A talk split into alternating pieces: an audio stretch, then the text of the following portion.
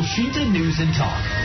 Pendengar Menteri Ketenagakerjaan Ida Fauzia merevisi ketentuan pencairan jaminan hari itu atau JHT BPJS Ketenagakerjaan. Dalam aturan baru tersebut, pencairan hanya bisa dilakukan saat usia peserta 56 tahun kecuali bagi peserta yang mengalami cacat total permanen. Bagaimana penjelasan mengenai aturan tersebut? Kami akan jumpai Sekretaris Jenderal Kementerian Tenaga Kerja Republik Indonesia Anwar Sanusi. Elshita News and Talk. Pak Anwar nampaknya peraturan yang dikeluarkan ini langsung menuai respon dari pihak buruh. Akan tetapi sebenarnya bagaimana sih pertimbangan uh, terkait dengan dikeluarkannya Permenaker ini, Pak Anwar? Jadi begini ya, Mas. Mas, siapa tadi lupa saya? Dengan Henry, Pak Anwar. Mas Henry ya, Mas ya. Henry dan juga uh, pendengar Radio El Sinta di seluruh Nusantara yang berbahagia kami menjelaskan bahwa memang peraturan Menteri uh, Ketenagakerjaan nomor 2 tahun 2022 ini, ini kan uh, menggantikan uh, peraturan Menteri Ketenagakerjaan nomor 19 tahun 2015. Ya. Jadi pada intinya kan itu menyangkut masalah program jaminan hari tua. Ya. Nah, pada dasarnya program jaminan hari tua itu kan uh, ditujukan tentunya adalah manakala kita ini kan uh, sudah tidak produktif lagi. Kita sudah apa namanya tentunya memasuki usia pensiun yang dalam hal ini adalah kita apa namanya uh, tahunnya itu adalah 56 tahun. Nah, sehingga dalam hal ini uh, filosofinya atau dasar uh, hakikatnya kita kan ingin memberikan perlindungan kepada para pekerja baik saat dia bekerja maupun saat nanti mereka sudah tidak bisa bekerja dengan alasan tadi adalah sudah pensiun ataupun juga dalam keadaan tertentu alasan tertentu misalnya meninggal ataupun uh, cacat tetap. Ya. Nah, jadi begini ya, artinya uh, pada itu adalah pada saat mereka tidak bekerja. Nah, pada saat bekerja kan sebagai turunan dari Undang-Undang Cipta Kerja itu kan ada PP nomor 37 tahun 2021 yakni tentang jaminan kehilangan pekerjaan. Jadi pada saat seseorang kehilangan pekerjaan dia kan akan mendapatkan manfaat. Manfaatnya adalah pertama selain dia tentunya ketika ketika dia, apa namanya ter kan pesangon. Yang kedua, dia kan juga masih mendapatkan uang tunai uh, apa selain pesangon tadi uang tunai, kemudian yang kedua ini adalah uh, dia mendapatkan akses informasi terhadap pasar kerja dan juga yang terakhir adalah uh, mendapatkan uh, pelatihan dalam rangka dia meningkatkan keterampilan ataupun atau upskilling ataupun dia artinya ber, uh, berpindah dari ingin mencoba untuk keterampilan baru atau reskilling. Jadi pada intinya begini, ini kan kita ingin menghadirkan betul-betul negara dalam uh, kondisi apa pun, baik tadi pada saat bekerja maupun pada saat tidak bekerja. Nah, memang begini ya, artinya uh, ada beberapa kritik loh. Kenapa kok kok misalnya uh, katakanlah tadi kami kan uh, sudah mau ambil ya. Nah, ya diambil kan begini ya, kan uh, kita ingin menjamin tadi saya katakan kalau seandainya, seandainya semua diambil, tentunya pada saat nanti hari tua, ini tidak ada sebuah katakanlah uh, pegangan atau katakanlah ini istilah simpanan yang mereka bisa digunakan untuk kepentingan hidupnya. Karena memang ketika nanti apa namanya hari tua kan dia hanya mendapatkan uh, pensiun dan juga uh, apa tidak mendapatkan tadi semacam adalah katakanlah tabungan yang bisa diambil pada saat dia pensiun. Demikian mas. Ya, kemudian yang uh, menjadi banyak uh, ini ya uh, pertanyaan dari para buruh itu ketika memang usianya sudah bukan usia produktif katakanlah usia 45 tahun begitu ternyata terjadi hmm. PHK ataupun uh, resign begitu sehingga ketika ya. mereka akan bekerja kembali agak susah sehingga mereka akan memanfaatkan JHT tersebut untuk uh, modal berusaha begitu sehingga hal ini menjadi tidak bisa Pak Anwar. Jadi begini ya, kan kan tadi ya uh, ketika dia tadi karena alasan tertentu dia PHK. Tadi kan ya. kami saya katakan ketika PHK kan mendapatkan beberapa manfaat. Satu ya. kan pesangon. Ya. Yang kedua ini adalah ada apa namanya tadi program JKP. Ya, ini jaminan kehilangan pekerjaan. Pekerjaan, ya. Kemudian yang yang apa namanya terkait dengan JHT, ini kan ibaratnya eh, kita istilahnya diberikan satu katakanlah kesempatan untuk menabung pada saat nanti katakanlah masih sekitar 15 tahun lagi ke depan. Dan uangnya itu tidak uang yang pas, yang tetap, Pak. Jadi ada semacam eh, apa namanya di sini kan eh, kita kita kenal bahwa mereka ini juga ada ada mendapatkan manfaat tambahan. Ya ini apa? Dan uang tersebut juga mendapatkan dalam hal ini apa namanya bunga ya. Eh, dia dia masih mendapatkan bunga, mendapatkan eh, apa namanya eh, pengembangan dari pe- pengembangan usaha. Ini juga menjadi sesuatu nilai tambah yang bisa saja artinya eh, saat ini katakanlah kalau dia ambil langsung jumlahnya bisa saja eh, katakanlah dia hanya mendapatkan sekitar 15 juta.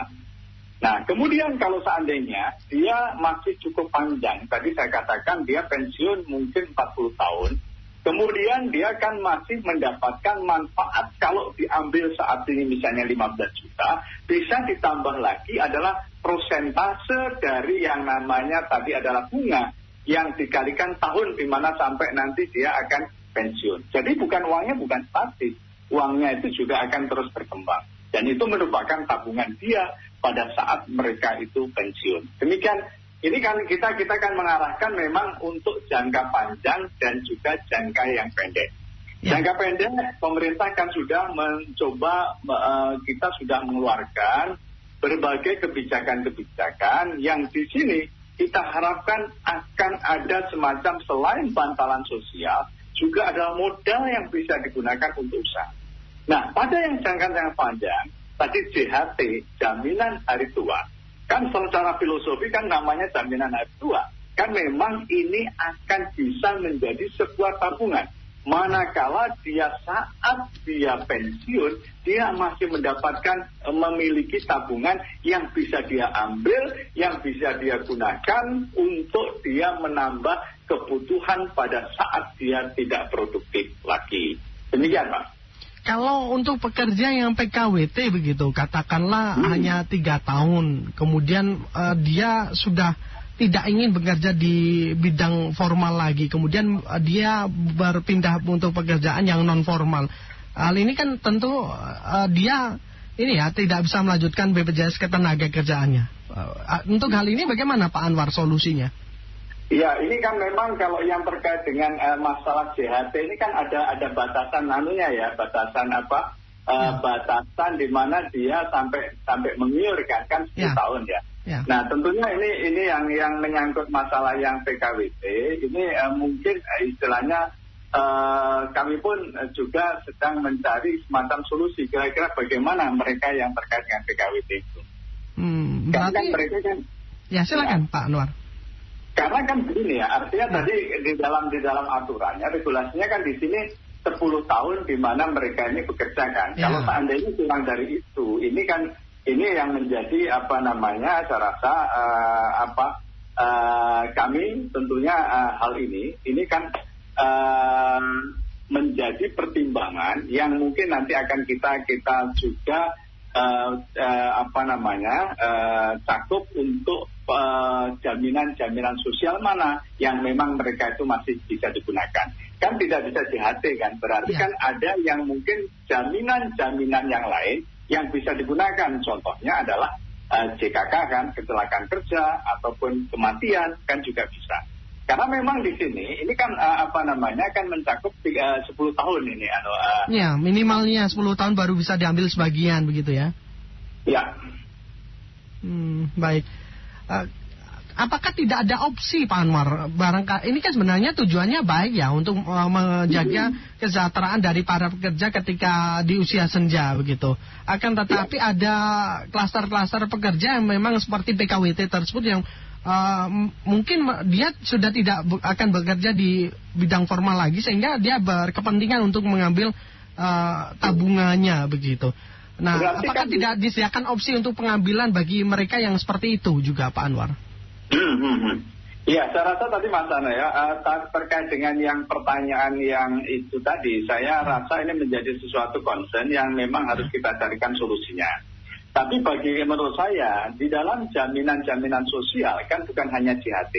Ya. Kan ada juga jaminan tadi ke kecelakaan kerja, jaminan kematian, kemudian ya. DKP, kemudian ada yang juga jaminan pensiun. Nah inilah yang menurut saya hal-hal seperti itu mungkin nanti akan bisa istilahnya kita masukkan tapi tetap dia kan harus ibaratnya mengikuti program tersebut minimal adalah 10 tahun. Hmm, begitu. Tapi ada suara-suara dari masyarakat yang mengatakan ini uang-uang saya, kenapa uh, tidak boleh saya ambil? Kenapa pemerintah mempersulit untuk pengambilannya?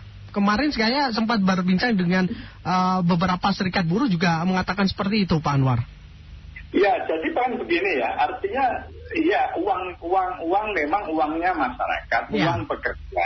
Tapi kan di sini istilahnya dari sisi apa namanya uh, program jaminan sosial ini, ini kan jaminan sosial yang dibutuhkan yang memang untuk jangka panjang. Jika ya. dengan kata lain, istilahnya ya kan di dalam jaminan ini kan ketika kita ini kan hakikatnya kan uang tabungan kita.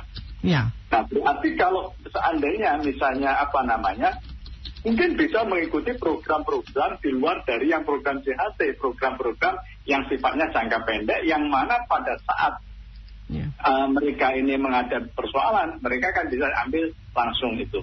Hmm, baik. Berarti uh, untuk posisi saat ini dari Permenaker ini berarti apakah nanti akan ditinjau kembali, dievaluasi ataukah tetap akan seperti ini akan tetapi akan dicarikan solusi untuk bagi beberapa pekerja yang tidak uh, kesulitan untuk mengakses sebuah dana untuk kepentingan mereka Pak Anwar. Posisinya saat ini bagaimana Pak? Anwar? Begini ya, artinya ter, ada dua hal yang memang tadi yang uh, ya. kami uh, apa namanya garis bawah. Yang pertama, Terkait dengan JHT, kami ya. kan dalam hal ini, ini kan aturan yang memang saat ini kita anggap adalah sebagai solusi untuk ya. tadi istilahnya menutup terutama adalah me, apa namanya me, me, menutup uh, berbagai beberapa lubang atau ke ya. hal yang belum teratur saat seorang pekerja itu pensiun. Nah, ini sesuatu yang memang yang menurut saya, apalagi ini kan juga dasarnya kan dari sisi eh, apa namanya dari Undang-Undang Nomor 40 Tahun 2000 eh, 2004 ya. Nah ini kan apa namanya uh, menyebutkan jelas bahwa manfaat jaminan hari tua itu adalah berupa uang tunai yang dibayarkan sekaligus pada saat mereka memasuki usia pensiun, mengalami cacat total tetap ataupun meninggal dunia. Nah, tadi pertanyaan apakah direvisi atau tidak? Saya rasa apa pun kebijakan, ini tentunya kita kan juga uh, apa namanya ini uh, paling uh, kita tetap tidak ibaratnya bukan sesuatu yang yang harga mati yang memang betul-betul tidak bisa dirubah. Ya. Namun demikian kami mengatakan ini sudah mengalami sebuah proses yang cukup panjang untuk bisa kita uh, apa namanya uh, mengeluarkan Permenaker nomor 2 tahun 2022 ini. Ya. Pada kenyataannya nanti, toh ini kan apa namanya uh, apa uh, dari sisi masa efektifnya kan tiga bulan setelah ini uh, kita kita laksanakan, kita kita tetapkan, mohon maaf. Nah, ya. nanti kalau memang ibaratnya ada apa namanya hal yang memang sangat betul-betul uh, kami istilahnya tadi ada hal yang memang uh, sangat sangat luar biasa dan itu memang harus dilakukan perubahan, harus dilakukan semacam revisi.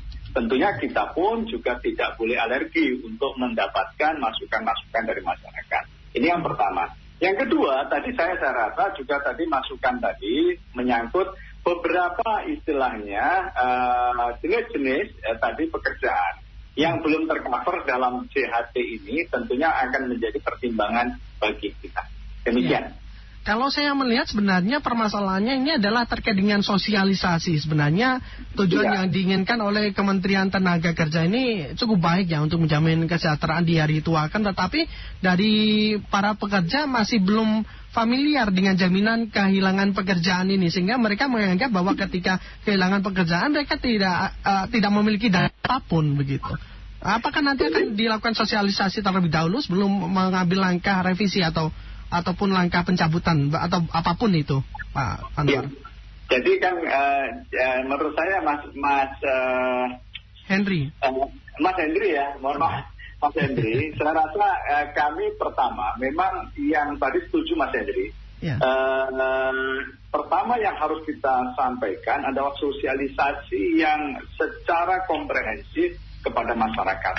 Dan besok uh, kami juga akan mengundang uh, apa namanya kepala-kepala uh, dinas uh, apa namanya uh, provinsi, kabupaten, dinas ketenaga kerjaan mediator ketenaga kerjaan uh, kita untuk menyampaikan terkait dengan uh, apa namanya permenaker ini. Kita ingin menyampaikan secara lengkap uh, istilahnya apa sih dari isi uh, permenaker nomor 2 tahun 2022 ini. Maksudnya apa, tujuannya apa, kemudian kelebihan kelebihan dibanding dengan peraturan sebelumnya apa saja Kemudian juga tentunya dari apa yang hari ini berkembang di tengah masyarakat, kita ingin juga meluruskan kalau memang ada sesuatu yang kurang lengkap dari penjelasan yang mungkin diterima oleh masyarakat selama ini. Jadi kami sangat-sangat terbuka dan sangat senang sekali. Karena Mas Hendri kami juga sangat senang diundang oleh Radio El Cinta untuk menyampaikan hal ini. Karena memang kita ingin ya apa pun kebijakan karena memang ini adalah kebijakan yang saya rasa dari sisi apa namanya uh, coverage-nya ini luar biasa karena memang istilahnya mencoba untuk tadi memastikan bahwa negara hadir terutama untuk para pekerja saat dia bekerja saat dia tidak bekerja tentunya kita butuh istilahnya memberikan informasi sebenar-benarnya. Kami pun kalau mungkin apa yang kita lakukan nanti masih ada beberapa kelemahan, ada beberapa kekurangan, tentunya kita tidak alergi untuk menerima masukan dan juga untuk memperbaiki dari kelemahan-kelemahan yang ada. Kalau yeah. kalau kalau itu memang kami temukan. Jadi yeah. pada intinya kami komitmen untuk ini kita bisa lakukan dengan sebaik-baiknya. Sebentar lagi TKP juga jaminan kehilangan pekerjaan juga akan berjalan. Kita ingin, tadi saya katakan pada saat seseorang ter pun juga ada jaminan sosial ketenaga kerjaan yang hadir termasuk juga istilahnya apa yang dilakukan oleh pemerintah untuk memastikan atau untuk memberikan uh, tadi adalah uh, kehidupan yang layak terutama untuk para pekerja. Demikian. Ya, apakah juga membuka ruang dialog bagi para bu, eh, serikat buruh yang masih menolak hingga dengan saat ini?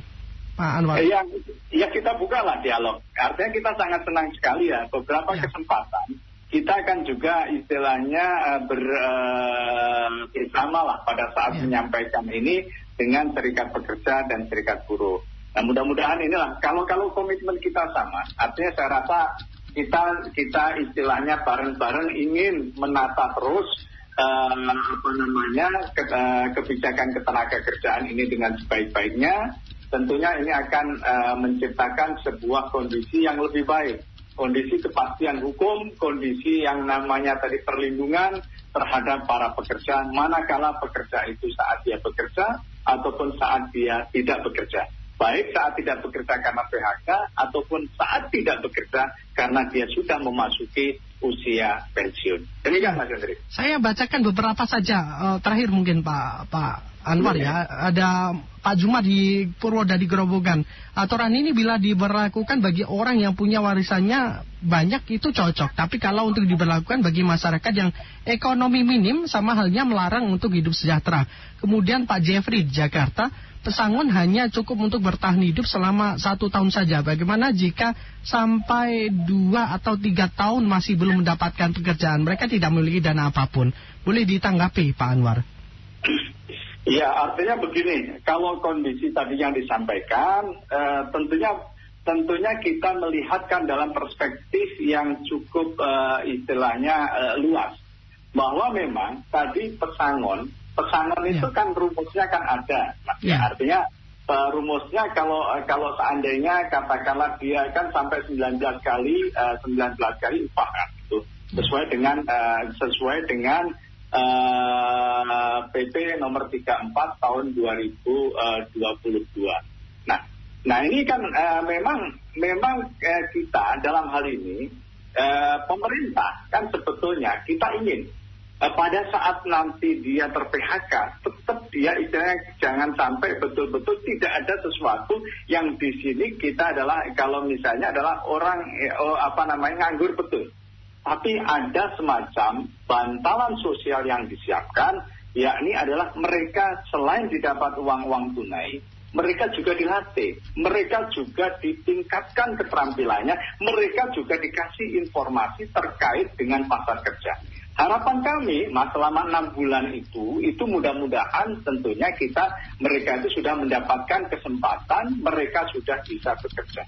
Nah, tadi saya harap yang pertama yang dari Purwodadi tadi, ya apa namanya, tentunya kami uh, juga uh, berharap lah pemerintah kan juga memiliki banyak yang di situ istilahnya skema-skema yang bisa digunakan untuk melakukan kegiatan usaha. Kredit usaha rakyat misalnya KUR, kemudian bantuan pemerintah untuk usaha mikro, tentunya juga menjadi pertimbangan untuk kita mendapatkan modal untuk usaha. Memang dalam hal ini, uh, Mas Hendri, ya. saya rasa sosialisasi yang sangat komprehensif, sangat kita kita lakukan, dan bukan hanya nanti adalah dengan Kemnaker saja. Hmm. Kita nanti akan menggandeng juga kementerian-kementerian yang lain dan lembaga yang lain yang sebetulnya juga istilahnya adalah tujuannya sama. Bagaimana yang namanya tadi kita adalah pekerjaan itu betul-betul juga adalah menjadi eh, apa namanya tersedia dan informasinya cukup uh, istilahnya jelas. Di mana kami untuk misalnya maupun usaha apa saja yang akan kita lakukan. Saya rasa ini adalah uh, tanggung jawab kami bersama pemerintah, bukan hanya Kemnaker, kami juga nanti akan mungkin kerjasama dengan Kementerian Koperasi, UKM, kemudian juga kementerian uh, kementerian yang lainnya. Demikian, Mas. Mohon satu lagi ya Pak Anwar ya. Iya. Ada rasa kusuk dari masyarakat Pak Anwar yang memang sebenarnya harus benar-benar dijawab bahwa dari masyarakat itu banyak yang menduga bahwa uang yang mereka simpan di BPJS ketenaga kerjaan itu sudah tidak ada uh, digunakan untuk uh, diinvestasikan, digunakan untuk pembangunan, digunakan untuk membayar hutang dan lain sebagainya sehingga dikeluarkanlah aturan ini. Benar tidak untuk menjawab hal itu, Pak Anwar? Kalau gini ya, kalau saya menjawab secara pasti karena memang ini kan di dalam BPJS ketenaga kerjaan ya. ya. Saya rasa saya rasa apa namanya itu tidak benar ya. Mungkin nanti pastinya agar memang betul-betul yakin saya nanti minta kepada teman-teman BPJS ketenaga kerjaan menyampaikan. Kami pun juga sangat sadar ya Mas Hendri. Ya. Artinya Kenapa ini muncul? Kenapa uang kami kok misalnya kok uang-uang mau kami ambil kenapa harus ya. nunggu? Nah ini kan sebetulnya tadi bisa saja karena uh, ada informasi, ada informasi yang belum utuh disampaikan kepada masyarakat, termasuk tadi penjelasan manakala misalnya uang saya saat ini nggak saya ambil, kalau saya ambil, saya ambil dapat berapa. Kalau misalnya 20 tahun yang akan lagi dapat berapa. Dan apalagi itu misalnya adalah informasinya clear, berikut juga kebijakannya jelas, saya rasa itu akan nanti menenangkan tadi kerisauan, bahkan misalnya kasa kusuk, bahkan juga misalnya omong-omong atau ya. atau istilahnya di warung dari masyarakat.